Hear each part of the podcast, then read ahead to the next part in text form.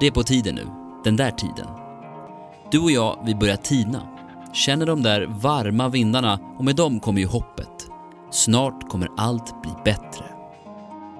Och när det är den där tiden, då grönskan går ur sitt ide och börjar sprida livet i atmosfären, det där livet som kan hamna i våra reagerande kroppar fyllda av histaminer, men lyckliga ändå, för nu kommer allt att lösa sig.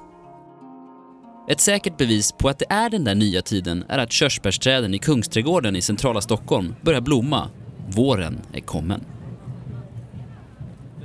Jag tar mig dit för att söka den där selfien som om signalsubstansen av gratifikationerna när likes börjar trilla in skulle kunna blockera histaminerna som strömmar i min kropp under den här tiden.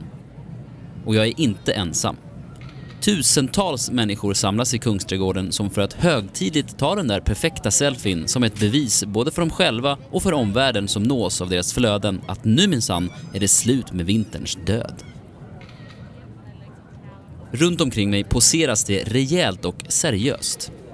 Det är många inövade leenden, perfekta vinklar och värmande filter som höjer utetemperaturen med minst 10 grader i bilderna. Vi presenteras med en slags retuscherad verklighet.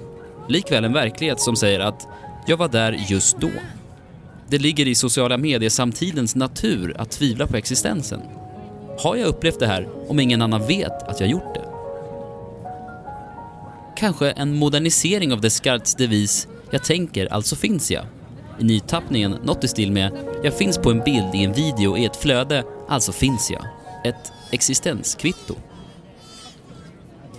Det är de här funderingarna som åker runt i min skalle när jag ser alla människor som kollektivt utgör den här stunden på jorden i Kungsträdgården. Där vi försöker säkerställa vår lilla existens. Om inte på jorden så i den digitala omvärlden. Det är på tiden nu, den där tiden.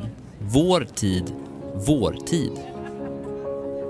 Du och jag, vi börjar tina. Och om inte, så lägger jag på ett extra varmt filter i våra vårbilder.